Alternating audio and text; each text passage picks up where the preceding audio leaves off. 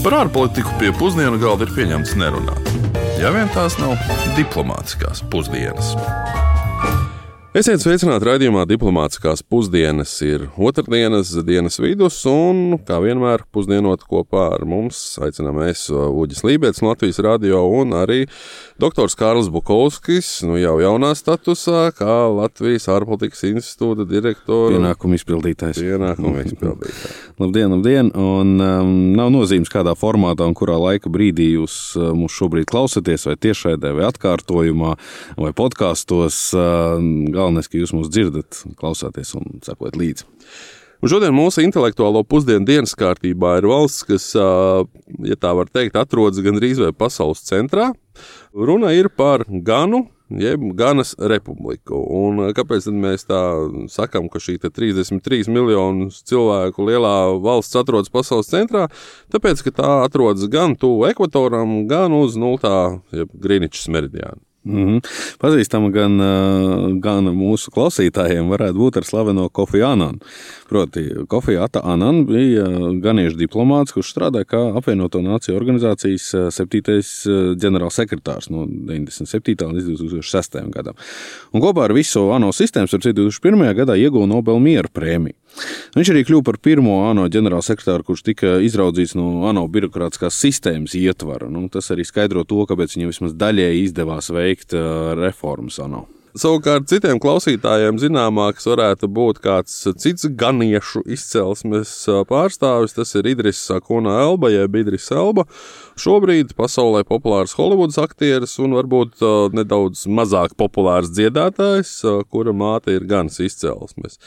Bet vai šo vai ko citu par ganu zina stāstīt mūsu klausītāji, to mēģinājām uzzināt ielu intervijās. Ar ko jums asociējas Gānas republika? Mm, vispār jau man liekas, ka tur bija karš kaut kādā brīdī, bet ar vairāk neko īpašu. Ar Āfriku. Es nezinu. Visādi National Geographic raidījumi droši vien ir skatīti kādreiz jaunībā par šo valsti, bet neko konkrētāk nepateikšu laikam šobrīd. Nu, praktiski ne ar ko. Kurā kontinentā varētu atrast? Nu, tā varētu būt Āfrika varbūt ar um, vairāk ar futbolu, Āfrikas valsts, karsti.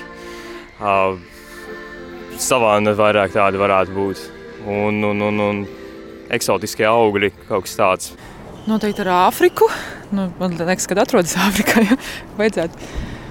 Vairs īsti tā neko nevar iedomāties. Nu, Geogrāfija man ļoti patīk, tā, bet uh, gribētu varbūt aizceļot uz turieni kādreiz, bet uh, vairāk laikam nemācīšu pateikt.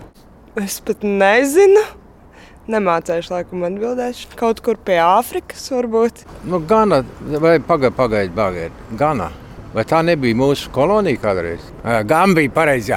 Nu, Gana turpat blakus ir. Jā. Nu, neko īstenībā. Gan kas tur, tur nekas īpašs, nu, kā parastās lietas, apvērsuma un revolūcijas vispārējais. Nu, bija kaut kur Āfrikā, jā. Varbūt kāds redzējums ir redzēts, varbūt kaut kas tāds. Bet, uh, ja es neko nejaucu, tad kaut ko par latviešiem, kas ar metāla apstrādi galā centās kaut ko izdarīt, iedzirdēts. Ganas vēsturē ir neskaitāmi stāsti, kas apkopoti, lai izskaidrotu, kā valsts ir nokļuvusi tur, kur tā atrodas mūsdienās. Tie ietver gan karus ar citām Āfrikas valstīm, gan, protams, arī Eiropiešu nesto kolonizāciju. Un par kolonizēšanu arī parunāsim, jo kas ir būtiski. Ganas republika bija pirmā subsahāras valsts, kas ieguva neatkarību dekolonizācijas posmā. Nedaudz skaidrojot, saskaņā ar apvienoto nāciju organizāciju, klasifikāciju un skaidrojumu un terminoloģiju, subsahāru veido visas Āfrikas valsts un teritorijas, kas pilnībā vai daļēji atrodas uz dienvidiem no Sahāras tūkstneša. Jāmin, ka kopš 2010. gada Āfrikā tiek veidotas visādas iniciatīvas arī no Āfrikas fonda organizācijas puses par to, lai subsahāras jēdziens netiktu izmantots un attiecināts koncentrēts uz reģionu. Un termins tiek kritizēts par to, ka tas ir Āfrikas kontinents sadalošs un ka tas bieži vien arī ir negatīva konotācija saistīts ar aids epidēmiju un nabadzību, un tāpēc ir izskanējuši publiski aicinājumi to vienkārši nelietot. Tas ir interesanti, ka šīs pārējās Āfrikas valstis, kas nav subsahāras valstis, ir citai reliģijai, tradīcijām un attiecīgi arī citām sociālo-ekonomiskajām problēmām piedarošas. Un tās ir Ziemeļāfrikas musulmaņu valsts, kam vairākums ir arī naftas un gāzes resursi. Bet pie dekolonizācijas procesa atgriežoties, šis kļuva par masveida ģeopolitisko procesu pēc otrā pasaules kara.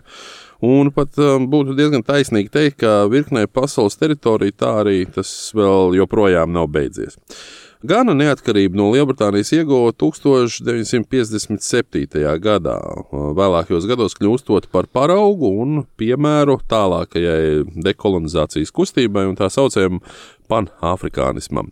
Par panāfrikānismu kustību runājot, tā ir kustība, kuras mērķis ir veicināt un stiprināt nu, solidaritātes saites starp visām afrikāņu izcelsmes iedzīvotāju un diasporas grupām, neatkarīgi no tradīcijām, reliģijas vai valstiskuma elementiem.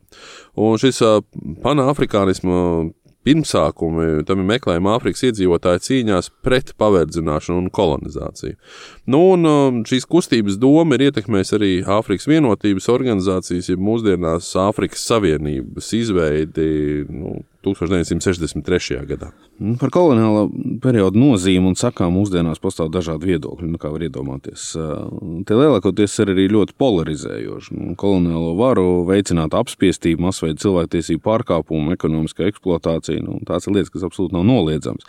Vienlaicīgi, un te kaut kur ir līdzīgi, kā starp citu arī, kā, piemēram, bieži vien tiek runāts par vācu mužnieku feudālo valdīšanu pār latviešu tautu. Mēdz secināt, ka koloniālisms nenes tikai sāpes un ciešanas ieviešanu. Faktiski jau realitātē tā ienes arī jaunas tehnoloģijas, politiskās tradīcijas, ekonomisko integrāciju ar pārējo pasauli un atvērtākas attiecības starp cilvēkiem. Un tāpēc par dekolonizācijas procesu mūsdienu mantojumu, tā daudzšķautņaino raksturu, vairāk lūdzām pastāstīt žurnālistam, laikraksta neatkarīgā politiskajam komentētājam Benam Latkovskim. Ja runājam par Āfrikas koloniālo periodu un tā sakām, tad jānodala divas lietas tautu pašnoteikšanās tiesības un sociāla-ekonomiskā attīstība. Skaidrs, ka katrai Āfrikas valstī ir tiesības pašai noteikt savu dzīvi. Līdz ar to no šī aspekta koloniālismu sabrukums vērtējams vienīgi pozitīvi. Taču no sociāla-ekonomiskās attīstības aspekta to tik viennozīmīgi vērtēt nevar. Āfrikas iekšzemes daļu sāka kolonizēt salīdzinoši vēlu, 19. gadsimta pašās beigās. Gandrīz visa ekvatoriālā Āfrika dzīvoja tikpat kā akmens laikmetā. Tieši pateicoties tā sauktajai kolonizācijai, Āfrika piedzīvoja neiedomājamu strauju attīstības lēcienu. Teiksim, cilvēks, kurš piedzima 1900. gadā Āfrikas vidienē, Bērnībā varēja nebūt saskāries absolūti ne ar vienu civilizācijai raksturīgu lietu, neredzējis nevienu mehānismu, nevienu rūpnieciski radītu preci, speciāli taisītu ceļu, papīru, nerunājot par grāmatām vai avīzēm. Bet pusmūžā, ja braukt ar mašīnu, lasīt grāmatas, skatīties televizoru un lidot ar lidmašīnu, attīstības lieciens bija vienkārši fantastisks. To, ko Eiropa paveica 5000 gados, Āfrika izdarīja 50, 70 gados. Taču pašreizējais pamatplūsmas viedoklis ir cits. It kā koloniālisms esot izsūcis no Āfrikas visas dzīvības sulas, un tieši šī koloniālā eksploatācija esot rietumu verenības pamatā. Patiesībā Āfrikas kolonijas tās metropolēm bija nevis uzplaukuma avots, bet gan zaudējums nesoša muca bez dibena. Ieguldījumu koloniju attīstībā neatsvēra ieguvums. Koloniju paplašināšanai bija impērisks, ietekmi, varenība apliecinošs, nevis ekonomisks raksturs. Īpaši lieli šie zaudējumi bija pēc otrā pasaules kara, kad vairāk kārt pieauga izdevumi infrastruktūras, izglītības sistēmai, medicīnas aprūpē. Zināmā mērā tieši tas arī noteica, cik viegli uh, koloniālās lielvalsts atteicās no savām kolonijām. Parasti, lai pamatot kolonizācijas necilvēcisko, alkatīgo raksturu, piesauc Beļģu, Kongo un karaļa Leopoldu pārvaldībā veiktās zvērības. Tās nav noliedzamas. Tāpat kā nevar noliegt daudz tā laika politiķu izteikt rasistisko pasaules redzējumu. Jā, tā bija bet tieši šajos 60, 70 gados līdz 1960. gadam, kad koloniālismu sistēma sabruka, tika ielikti tai in, pamati tai infrastruktūrai, uz kuras vēl tagad lielā mērā balstās šodienas Āfrika. Tik būvēta dzelzceļa, dibinātas pilsētas, ieviest izglītības sistēmu pēc metropoles parauga, primārā medicīnas aprūpe, parādījās dažādas sociālās institūcijas, tiesas, vietējās pas, pašpārvaldes, viss, kas raksturīgs civilizētām valstīm. Vēl 19. gadsimta beigās nekas tāds tur nebija pat tuvumā. 1960. gadā Āfrika kļuva neatkarīga, taču turpmākos 60 gadus grūti nosaukt par uzplaukuma gadiem.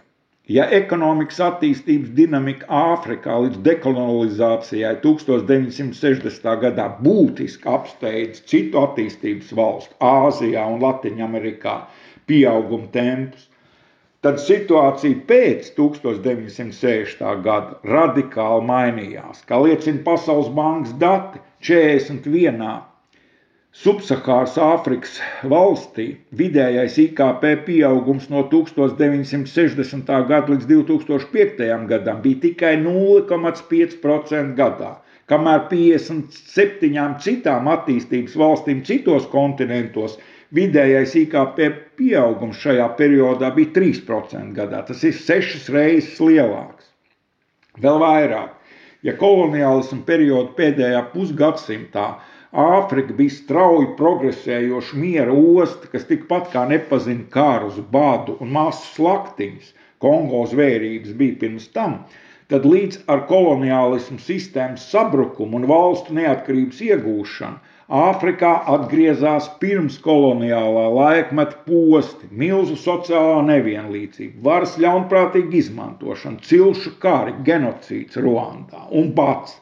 Visi Āfrikas bada gadījumi ir saistīti ar pēckoloniālismu periodu vai Etiopiju, kur nekad nav bijusi kolonija. Te mēs nonākam pie pēckoloniālās sistēmas sekām. Eiropiešiem aizejot, bijušajās kolonijās saglabājās metropoļu iedzīvinātā tiesību sistēma, valsts pārvalde, izglītības sistēma, demokrātija. Iesākumā, 60. gados, kad viss pēc inerces vēl darbojās, Daudzas Āfrikas valsts uzrādīja samērā sekmīgu attīstību, taču drīz vien Baltu atstātie pārvaldes institūti strauji degradējās, korumpējās un daudz vietu pie varas nonāca ambiciozi, enerģiski personāži, ar kuriem vēl tagad šajās zemēs baida bērns. Noteicošā korelācija ir vienkārša. Jo vairāk kāda Āfrikas valsts pēc neatkarīgas iegūšanas saglabāja koloniālismu laika kārtību, jo tās tālākā attīstība bija sekmīgāka. Savukārt, ja kādā valstī varu sagrāba tie, kur galvenais lozungs bija noārdīt visu, ko mums atnesuši nolādētie kolonizatori, un iet savu ceļu pēdiņās, tad attīstība bija negatīva. Piemēram, tāpat Kongo Tautas Demokrātiskā republika, bijusī Zaira, Centrālā Afrikas Republika, Čāda, Somālija un citas. Savukārt pie pozitīvajiem piemēriem parasti tiek piesaukt Botsvāna, Gabona, arī Gana. Katrā ziņā Gana Rietumāfrikā skaitās viena no attīstītākajām valstīm ar stabilu demokrātisku iekārtu un salīdzinoši zemu kriminalitātes līmeni. Un lielā mērā tieši tāpēc, ka cenšas sekot angļu ieviestajai kārtībai un daudz nerunā par savu īpašo ceļu, ja par šo īpašo ceļu neuzskata piederību Britu pasaulē, frankofonās Rietumāfrikas ielenkumā. Kā ierasts un loģisks, ir laiks parunāt arī par gānas ekonomiku. Lauksaimniecība veido apmēram 20% no valsts iekšzemes koprodukta, bet nodarbina vairāk nekā pusi darba spēka, nu, galvenokārt mazos zemes īpašnieks. Latvijas gadījumā, starp citu, ja salīdzinām, lauksaimniecība veido apmēram nepilnus 5% no iekšzemes koprodukta un nostrādina apmēram 8% no darba spēka. Nu, atkal salīdzinājumam, gan IKP uz vienu iedzīvotāju pēc pirktspējas paritātes ir apmēram 6 reizes mazāks nekā Latvijas, un tie ir apmēram 5000 eiro. Tomēr tieši zelts, nafta, arī kakao eksports, kā arī individuālie naudas pārvedumi ir galvenie valsts ienākuma avoti. Nu, tā, piemēram, Ganas republika ir otra lielākā kakao eksportētāja aiz Kodivāras. Ganā kakao ražošana veido aptuveni 30% no tās eksporta ieņēmumiem. Un apmēram 800 tūkstoši ganas lauksaimnieki ir iesaistīti tieši kakao audzēšanā. Nu, jāsaka, ka vēsturiski arī derīgo izrakteņu ieguve un tieši zelta ieguve ir bijusi ļoti nozīmīga. Un, un derīga izrakteņi atkal veido 37% no valsts kopējā eksporta. Tātad kakao 30, zelts 37. Mūsdienu galvenās ekonomikas problēmas, gan bez covid izraisītām, protams, ar kurām saskaras valdība, ir elektroenerģijas nepieejamība visiem valsts iedzīvotājiem, stabila ieņēmuma trūkums un lielais parādu sloks, kas ir gandrīz 30 miljardu eiro apmērā. Jā, bet vienlaikus Ganai ir bijis arī savs satelīts, Ganas At1, kas tika palaists salīdzinoši nesen, pirms pieciem gadiem, 2017. gadā. Tas darbojās divus gadus un ļāva kartografēt valsts 530 9 km garās piekrastes attēlus, kā arī apmācīt veselu jaunu zinātnieku paudzi. Nu, starp citu, kopš 98. gada Āfrikas valstis ir palaidušas kosmosā aptuveni 30 satelītus. Atgriežoties pie ekonomiskiem izaicinājumiem, veselības sistēmas izraisītiem ekonomiskiem izaicinājumiem, ir jāmin arī daudzām pasaules un sevišķi arī Āfrikas valstīm raksturīgā problēma, kas ir slimības. Un konkrēti šeit runa būtu par malāriju, kas valstī ilgus gadus ir galvenais nāves iemesls. Nu, kas tad šī draņķība, tā drīkst izteikties īsti ir? Tā ir slimība, ko izraisa parazīts, kas izplatās uz cilvēkiem ar inficētu odu kodumiem. Lai gan mērenā klimatā, kā Latvijā, slimība ir retāk sastopama, mēs esam tikai dzirdējuši par draudiem, ka globālās uh, sasilšanas dēļ temperatūrai paceļoties, mēs varētu sākt piedzīvot, ka mūsu, mūsu odi, odi varētu palikt traki. bīstami, daudz bīstamāk nekā tikai uz nerviem krītoši. Nu jā, nu, tad, attiecīgi, malārija ir izplatīta tropu un subtropu valstīs, un katru gadu gandrīz 290 miljoni cilvēku inficējas ar malāriju, un vairāk nekā 400 tūkstoši katru gadu mirst no šīs slimības. Ganas gadījumā tas ir ļoti nopietns draudz sabiedrības veselībai un arī galvenais saslimstības un mirstības cēlonis, jo īpaši bērnu vidū, kas ir jaunāk par pieciem gadiem. Nu, katru gadu Ganā no malārijas mirst aptuveni 20 tūkstoši bērnu. 2020. gadā Ganā gandrīz 6 miljoniem cilvēku, jau apmēram 6 daļai valsts iedzīvotāji, tika diagnosticēta šī slimība.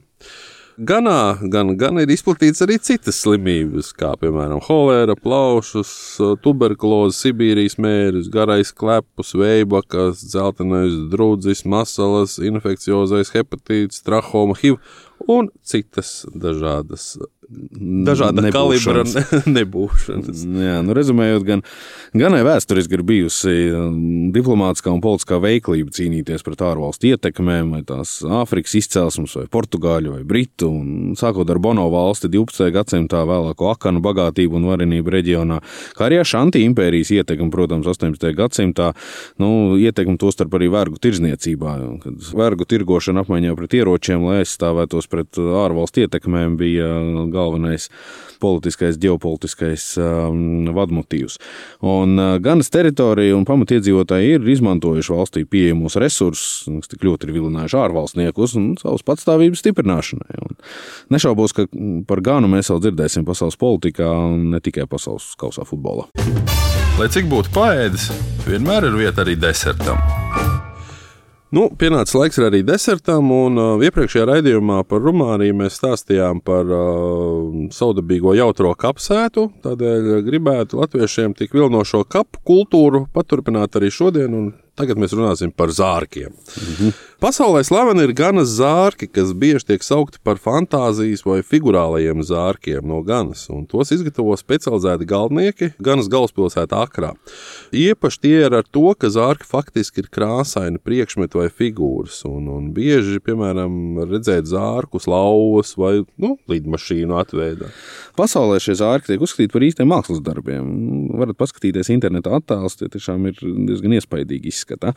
Um, pirmo reizi plašākai rietumu publikai tie tika izrādīti uh, Nacionālajā modernās mākslas muzejā Parīzē 1989. gadā. Un slavenāko mākslinieku Keina Kveja, Erika Aģetējā Nāna, Pāģo, Daniela Mensa un citu mākslinieku radītie zārki ir izstādīti daudzos pasaules mākslas muzejos un galerijās.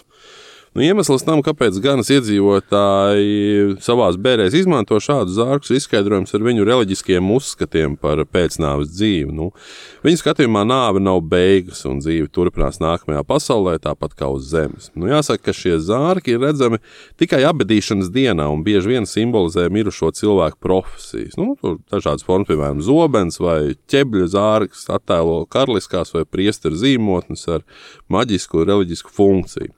Nu, šāda veida zārkos ir atļauts apglabāt tikai personas ar atbilstošu statusu. Nu, dažādi dzīvnieki, piemēram, lauvas, gaļi, krabi, var pārstāvēt arī dažādus klānu totēmus. Un šo nāvīgi māksliniecisko faktu, ja tā drīkst izteikties, arī raidījumu noslēgsim. Nākamā nedēļa dosimies uz Centrālā Aziju, dosimies uz Uzbekistānu. Atgādināšu tikai, ka raidījumu veidoju es, Kārls Bukovskis un Uģis Lībietis. Un palīdzēja mums veidot Ulris Četsbers un Aleksandra Palko. Tikmēr lai lieliska nedēļa!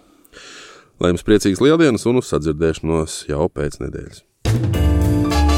Diplomātiskās pusdienas katru otrdienu pusdienos Latvijas Radio 1.